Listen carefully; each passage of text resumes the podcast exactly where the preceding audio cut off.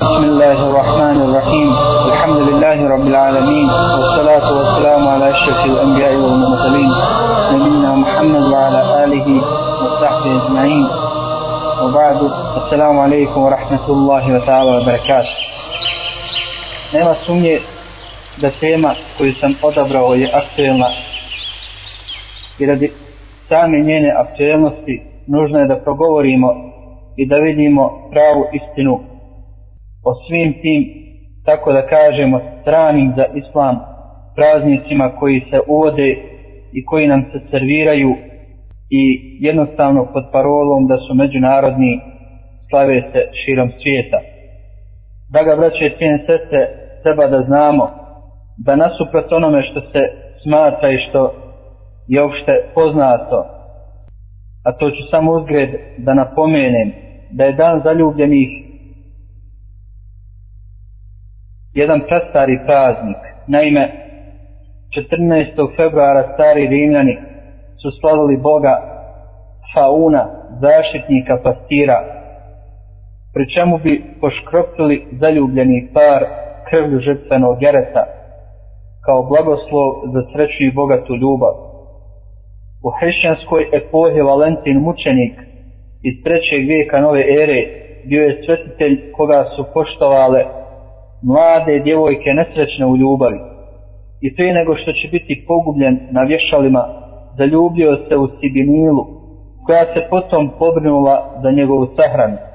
U pravoslavnom kalendaru ovaj dan pripada svetom Trifunu. Nakon te epohe praznik je potpuno zaboravljen, ali je doživio procvat u Velikoj Britaniji i Sjedinjenim američkim državama a kod nas je došao nakon drugog svjetskog rata. I na taj dan zaljubljeni međusobno razmjenjuju poklone i poznat je pod nazvom Valentinovo. 8. mart potiče iz 1910. godine kada je osnovano prvo međunarodno udruženje žena sa sjedištem u Kopenhagen i ovaj datum obilježava požar koji se desio nekoliko godina ranije u Sjedinim državama u fabrici tekstila u kojoj su radile samo žene za vrlo nisku platu i bez ikakvog vida osiguranja. I od tada ovaj datum simbolizuje borbu žena za emancipaciju na polju posla, politike, društva i porodice. Iako po tradiciji živahan i radostan, ovo je praznik oko kojeg se treba zamisliti. Tradicija nalaže da muškarac poklanja svojoj najdražoj grančicu mimoza, a posljednjih godina ovaj običaj je doveden u pitanje od strane samih žena, koje u njemu vide simbol jednog praznika koji je sam sebi ciljen. Zbog toga bi bilo upitno da prije nego što će pokloniti cvijeće, muškarac prvo ispita šta o tome misli ona kojoj je to namijenjeno. 8. mart, Međunarodni dan žena, jedan jedini dan u godini u kojem, tako da kažemo, slavljenice s pravom prefarbaju dunjalu u ženske boje, pokušavajući se izboriti za svoja uskraćena prava. To je nezavidna borba ljepšeg spola za jednakost i ravnopravnost toga dana kliču parole, dižu se glasovi, vihore se transparenti, a cilj je očito nedostižan. I onda se nameće pitanje, znaju li pripadnice ljepšeg spola šta one žele? Prava žena su ugrožena i više od toga iz dana u dan nogama se gaze. Žene svijeta su ugrožene, i to zahtjeva da se otvore oči, da se odčepe uši i da se poboljša opšte stanje po tom pitanju. Za zahtjeve će se pobrinuti borci za emancipaciju, moderne, civilizovane žene koje znaju čitati i pisati, koje znaju muškarcima nabrojati tačke koje nisu ispoštovane one koje huškaju da treba dignuti glas i lupiti šakom od sto. One koje znaju šta hoće, koje znaju kome hoće, koje znaju za koga hoće. I ne treba da zaboravimo, to su one koje su ožalošćene zbog stanja muslimanke, te jadne jadnice koja je do bezčijesti ponižena, da joj treba poklonuti ružu, inače će ostati jadna, ponižena i bezvrijedna.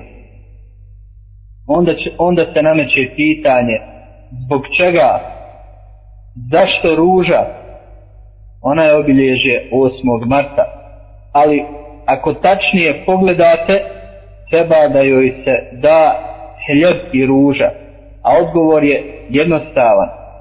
Žene su 8. marta 1986. godine slavila 75. obilježavanje dana žena pod motom želimo hljeb i ruže. Međutim, ono što su one pod tom parolom htjele argumentovano je imalo i smisla. Hljeb simbolično predstavlja pravo na radno mjesto, jednaku platu kao kod muškaraca, jednaka mogućnost za školovanje, humane uslove na radnom mjestu, mogućnost napretka i samostalnu društvenu sigurnost za žene. Što se tiče ruže, ona simbolično predstavlja mogućnost života sa djecom i uporedo zaposlenje. Mogućnost porodičnim ljudima da se daju odgovarajuća radna vremena, zadovoljavanje kulturnih potreba, dostojno životno okruženje za svakog pojedinca, jednako učešće muževa u kućnim poslovima i odgoju djece, humane političke forme, toleranciju i mir. 8. marta 1998. godine širom Dunjalka ruža je, tako da kažemo, od srca simbolično poklonjena ženi Afganistana. To jednoj ženi u burki kojoj je uskraćeno pravo na školovanje. To jednoj ženi koja je ostala možda bez muža, sina, oca. Ta žena kojoj je hljeb bio potrebniji od bilo kakve ruže. Jer uvehle su te ruže, a uvehla i žena Afganistana, čekajući da simbolika pređe u stvarnost. A kakve su to ruže dobile muslimanke Srebrenice i prije žena u Afganistanu? One su dobile krvave ruže. Kakve ruže su dobile muslimanke Čečenije? Gorke, čemerne i bolne. Kakve ruže su dobile muslimanke Francuske? Ruže iz čijih latica izbija duboko licemjerstvo i zulum. Jer stvarnost je prešla u simboliku. I onda se ja pitam, hoće li se dušebrižnici Afganistanke sjetiti pokrivene žene u Francuskoj? I onda na kraju, da ne pomislimo da se žene bez razloga bore za svoja prava, iznijećemo nekoliko statističkih podataka koja nažalost govore o stvarnom stanju žena širom svijeta. U Velikoj Britaniji u policijskim ustanovama svake minute dobiju po jedan telefonski poziv od strane žena zbog nasilja u porodici. U Americi svaki 7 do 8 sekundi po jedna žena bude premlačena od strane njenog muža. U Španiji je tokom 2003. godine zabilježeno ukupno 98 ubistava žena, od čega je 81 ubistvo žene u kući od strane njenog muža ili partnera.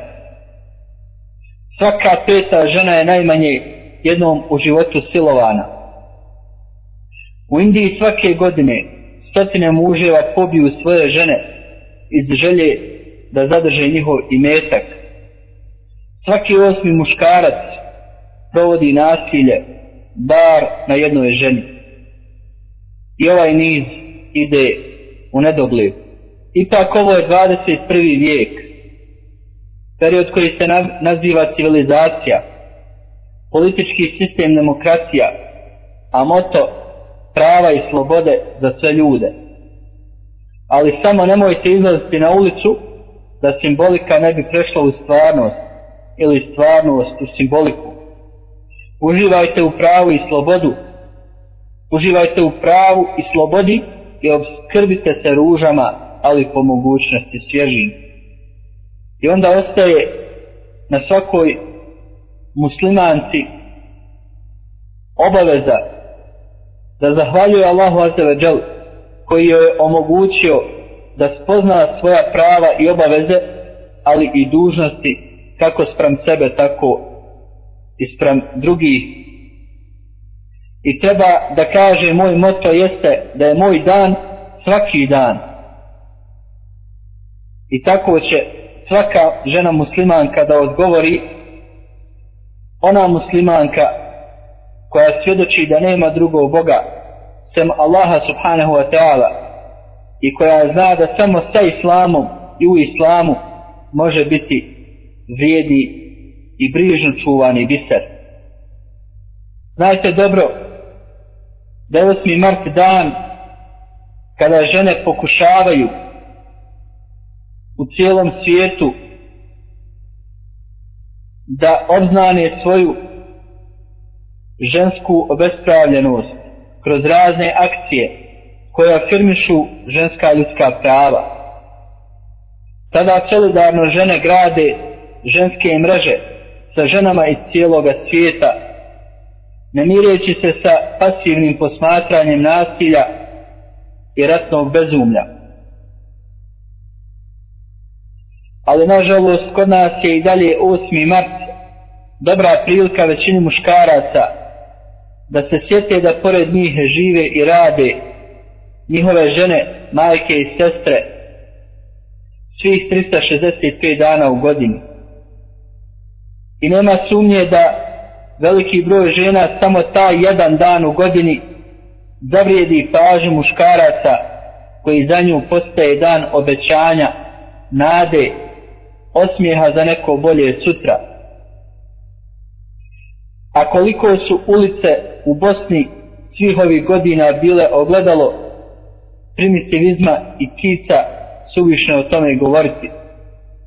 I onda se postavlja pitanje od strane tistih žena da ne bi trebalo da svi dani budu podjednako i ravnopravno kako muški tako ženski zašto ne postoji dan muškaraca ali i na to slijedi odgovor zato što su svi dani njihovi njihovo neprekosnoveno carstvo. Muškarci odnosno velika većina njih su bezgranični. Oni su stvoreni za javnost. Oni donose i primjenjuju zakone. Oni ne razmišljaju koje doba noći ili dana ukoliko žene, žele da izađu. I pritom ne rizikuju da budu proglašeni nemoralnim i nepodobnim za vaspitanje djece ukoliko se zateknu na neprikladnom mjestu. S druge strane to žena za sebe ne može reći. U trećem milenijumu žena je za većinu muškaraca dobra i poželjna ukoliko razmišlja i radi po muškim standardima i principima. Ukoliko bi otvorila oči ako počne da traži svoja prava otvara se ponori pitanja koje ona za sebe kada treba biti samo za druge u ostalom povodom dana žena muškarci će nam reći ko smo i uz neizbježno će darivati mnogima od nas pregršt obećanja, nadanja, iluzija o boljem sutra. A već sutra, odnosno preko sutra, slijedi uobičajena kolotečina sa uobičajenim brigama i normalnim odgovorom ako nešto poželiš, pa već sam ti to poklonio za 8. mart. U današnje vrijeme 8. mart nije tek puki datum kao i većina ostali jer je to dan u kome se posvećuje posebna pažnja prema ženama a šta to označava to znači da današnja žena ima samo jedan dan u kome kao neka zaštićena vrsta dolazi do izražaja i njoj se u tom danu posvećuje pažnja koju inače ne posjeduje. I čudno je da se ovaj nemuslimanski običaj obilježavanja dana žena uvukao među muslimane u Bosni i Hercegovini i tu našao pogodno tlo. Ali razlog tome je između ostalog okruženja u kojem muslimani u Bosni i Hercegovini danas žive. Kršćanski običaji koji se koji su dominirajući na našim prostorima ostavljaju traga i na život i običaje ostali muslimana. Jer žene su u kršćanskoj Evropi uveliko u prošlosti bile sputavane i njihova prava osporavana. I kao posljedica takvih odnosa došlo je do eksplozije ženskih pokreta u prošlom stoljeću širom kršćanskog svijeta uporedo sa industrijskom revolucijom. Jer uloga žene više nije samo odgajanje djece i pokornost suprugu. Žene su sada ravnopravne s muškarcima u pravima, ali i u obavezama. I to je dovelo do toga da se danas žene slobodno prodaju na svjetskim tezgama ljudskog mesa. Jer kako da drugačije nazovemo bezbrojne izbore za mis ovoga ili onoga. Strašna je činjenica da o tome sanjaju milioni mladih žena širom svijeta. Žena je potlačena primoravanjem na rad u uslovima koji su teški čak i za muškarce. Posljedica eksplozije ženskih prava jesu i pokidane i poremećene veze unutar porodice, a tim i šire zajednice. I dosta je porodica u kojima se žena brine da osigura ekonomsku sigurnost porodice. I treba da priznamo da u takvoj situaciji teško je biti majka. Teško je nakon napornog dana provedenog na poslu imati vremena i strpljenja za bračne ili roditeljske dužnosti. Dužnosti koje su prirodne svakoj ženi.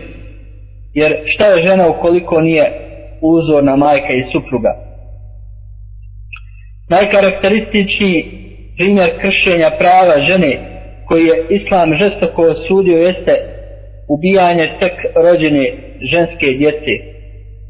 U sure takviru 8. i 9. aću stoji i kada živa sahranjena djevojčica bude upitana zbog kakve krivice umorena. Nameće se pitanje da li je vrijeme ubijanja ženske djece prošlo. Wallahi nije nego mu se samo promijenio oblik ubistva.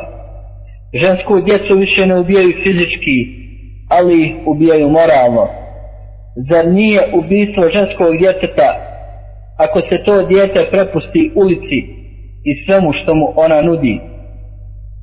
Moral današnje ženske djece ne određuju više roditelji jer oni zato nemaju vremena. Moral naše ženske djece definišu oprah šovu i različiti magazini za mlade koji pozivaju na seksualnu slobodu i život oslobođen tradicionalnih društvenih stega. Pogledajmo oko sebe. I sam spomen na neki normalan islamski način odjevanja, življenja ili djelovanja kod znatnog dijela današnje ženske omladine izaziva gađenje i odbojnost. Žena danas oslobođena od vjere i normi koje ona sa sobom nosi, više nije niti može biti uzorna majka, niti bračna saputnica. Ipak odustajanje od islamskog načina života zapravo znači prihvatanje nekog drugog koji za ženu nije tako povoljan. I takvu situaciju najviše koriste muškarci koji izrabljuju savremenu ženu. Na prvom mjestu zabljuje materijalno, jer im ne smeta što ona radi i poslove koji nisu za ženu, kako tjelesno, jer bračne veze više nisu tako krute i čvrste. A kod nas će uskoro i brakolomstvo da postane moderno. Signal za to jeste sve češća identifikacija sa likovima koji nam se na svim televizijskim stanicama u bezbrojnim sapunicama serviraju svakoga dana. Pa šta nam to one nude? Nude nam uništenu bračnu zajednicu kao rješenje. U tim sapunicama niti se zna ko je kome otac, niti ko s kim spava. U njima je sve dopušteno. I to je zamjena za islamski način života koji ženu štiti od svoj, svojih početaka i temelja postavljenih u mekanskom periodu objave. Pa čega se to moderna žena zgražava kad se govori o islamskom konceptu uređenja života i šta je to što je toliko smeta? Znate dobro da su dva osnovna oblika u kojima djeluje žena i koje islam uređuje. Na prvom mjestu žena je majka i supruga. I znate dobro da u islamu ne postoje sveti, ali da postoje svetinje. A jedna od njih jeste svakako poslušnost prema roditeljima, posebno prema majci. Takvo poštovanje žena kao majka ima u islamu dovoljno svjedoči hadis, mada mu neki nalaze mahanu, u kome stoji da je džennet po majčinskim nogama. Šta to znači? Ako hoćeš u džennet, moraš biti pokoran majci i odati joj punu pažnju i tako postići džennet koji ti se tim poštivanjem prema njoj nudi. Ali uz bitnu napomenu da ta pokornost bude u okviru dozvoljenog i širijatom dozvoljenog čina. Jer koliko bi nas neko pozvao, pa makar to bili naš babo i majka, da Allah za ođel činimo širk, ne smijemo ga poslušati, jer ne ima pokornosti stvorenju, ukoliko se griješi prema stvoritelju. Ili u drugom hadisu kome stoji, da je neki ashab pitao Rasula sallallahu alaihi ve selleme, kome sam dužan biti pokoran, on mu odgovorio majci, On upita kome poslije nje, ono mu opet odgovori majci. Pa upita, a kome poslije nje, odgovori opet majci. I tek četvrti put kada upitao kome poslije, odgovorio je Rasul sallallahu alaihi ve selleme svome ocu, kao što poroci, metak i vrijeme i sve. Zaslužuje Allah subhanahu wa ta'ala od nas? Ne, nego smo mi dužni prema njemu subhanahu wa ta'ala za sve nimete koji su nam dati. Uzmite primjer dva čovjeka. Čovjeka koji je rano legao. Proučio je noćni zikr, tako što obavi sve namaze. Proučio je noćni zikr, uzeo abdest, rano legao, spavao se. Kad je zazvonio sat ili je čuo ezan onde gdje džamija ima, on fino ustane, uzme abdest, ode do džamije i u svakom koraku dok on ide spominje zikr, spominje laspana, tal čini zikr, gdje se mu spada i dolazi u džamiju, klanja tahijetul mešid ili klanja sunnet, onda između sunneta i farza, ili dovi Allah subhanahu ta'ala, moli Allah subhanahu ta'ala, uči Kur'an, klanja saba, ode ku, odnosno sjedi na svom mjestu koliko može, da li sačku duha navazne sačku, ode svoje kući, fino se spremi na posao, a on čio i veseo i pun nekog jelana i snage što je Allah subhanahu ta'ala poslušan. I primjer čovjeka koji čita u noć u domanu i smradu sa pjevačicama i alkoholom sa lošim društvom i prokletnicima i šeitanima sa golotinjom i haram pričama čita u noć sjedi tako ili gleda televiziju ili priča s ljudima ili ogovara ili se bori ili čita u noć pišu novine protiv Allaha i njegov, i njegov vjeri poslanika i muslimana onda kad dođemo jutro on samo onako prašina se kod njega digne, a on koji je ona smrdljiva lešina, koju ni psi neće da pogledaju, zaspe i tako prođe mu dan i noć. Da li su ista dva ova čovjeka? Čovjek koji se boji Allah subhanahu wa ta'ala i svoj život posvećuje Allah subhanahu wa ta'ala i onaj koji svoj život uništava. Fudail ibn Iyad kaže, znao sam ljude čiji sam govor mogu da prebrojim od džume do džume. Nisu puno pričale nisu htjeli puno da pričaju. Kažu kod jednog čovjeka su ušli od Selefu Saleha i rekli mu, izvinjavam, mi možda smo te vrijeme oduzeli. Kaj jeste Bogam, ja sam kaj nešto pi, čitao, a vi ste mi kaj zabavili. Nije da bilo stih da kaže, ba nekaj bojrom, hajte i kod mene, lapanda ćemo dva, tri saha da prišćemo. Ne mogu se dvojica ljudi sastati da treći nije ogovaran. Ne mere nikako. Odma treći tema. Odma treći tema. A on, kaj je Boga mi, ja sam kaj nešto čitao, vi ste me, kaže, sad zabunili. Kaže Dauda taj, mislio je tijesto. I onda je pustio tijesto, eh, kaže, dok ona nadođeš, prouči 50 ajeta. Između vremena kad se tijesto zamijesi, pa dok sačeka da ga on razvuče, da ga ispeče, kad dok nadođe, prouči 50 ajeta. Razmišljali su ljudi koliko će planirali, koliko će ajeta proučiti. Da li mi razmišljamo da proučimo barem danas pet stranica, jer strane su iz Kurana, ako ne možemo džuz ili tri džuza, ili koliko već čovjek može da prouči jednom dan deset džuzeva. Samo jednu stranicu. Uzmite čovjeka koji redovno sebi zada zadatak da će dnevno naučiti pola stranice Kurana za 3-4 godine, svako od nas bi bio hafiz.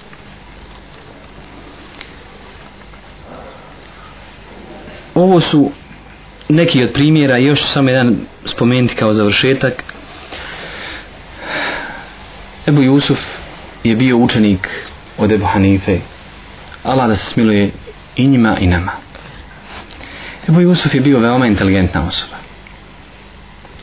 Bio je alim nad alimima.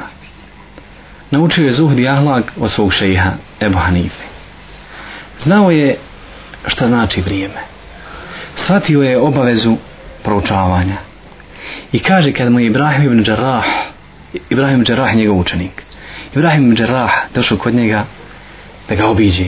A kaže obolio je i pao u smrtnu postelju. Kaže ušao sam kod njega, a ono nesviješten. Živjelo nesviješten. Kaže pa sam sjeo i sačekao, a on se probudi. Kaže Ibrahime daj da nam kaže kako me sel da je razradimo. Kaže Šizar u ovom trenutku, umire Šizar u ovom trenutku. Kaže bola ne znaš ti hoće se neko od njega koristiti, kaže deda se muslimano koristi od nas. Kaže pa hajde reci bilo koju meselu. Da li kaže bolje Ibrahime da čovjek baca kamenčiće na jahalci pješki? Kaže pješki, kaže pogriješio se. Kaže na jahalci pogriješio se. Kaže pa gdje reći, kaže Allah se smilo i ovaj sad tom zadovoljno bio. Kaže pa gdje reći kako je da upravo? Kaže ako bude htio na mjestima da uči dovu, jer kod prvog i drugog džemreta uči se dova. Kaj neki ide pješke nek baca. Jer posle nek stane, neće razmišljati u dovi o jahalci. A onda nek ode po svoju jahalcu, nek uzjaše nek baci kod trećeg džemreta. I kaže Ibrahim Džerah, nakon što smo završili tu meselu, nije ti bez praznu priču. Boli me, ne boli me, došao melek, ja ću mi to. Ne, ne, ne, ne, ne. Nego nauka, zikr, spomnja Allah subhanahu ta'ala i želja da se okoristi musliman posle njega. Kaže Ibrahim Džerah, izašao sam i čuo sam kako njegovi zaplakaši. Preselio, Allah mu se smilo. Do zadnjeg trenutka trudio se da nešto nauči. Do zadnjeg trenutka posvetio svoj život Allah subhanahu wa ta'ala. Do zadnjeg trenutka njemu je bila vjera i nauka prva. Do zadnjeg trenutka razmišljao muslimana koji će doći posle njega. Zato znaj da je vrijeme veoma, veoma skupo. Znaj da je vrijeme puno bogastava. Znaj da vrijeme prolazi i ni jedna sekunda neće se više te čovječe vratiti. Zato iskoristi. Iskoristi pa pomini, spominji puno Allah subhanahu wa ta'ala. I najbolje što u svom životu možeš da učiniš jeste da odgovoriš na hajala salah, hajala felah. A onda se nadaj, nadaj se milosti gospodara svoga. A suprotno od toga ne iskoristiš svoje vrijeme, neka Allah bude i vama i meni, i svim muslimanima na pomoći. Wa sallallahu ala sayyidina nabina Muhammad wa ala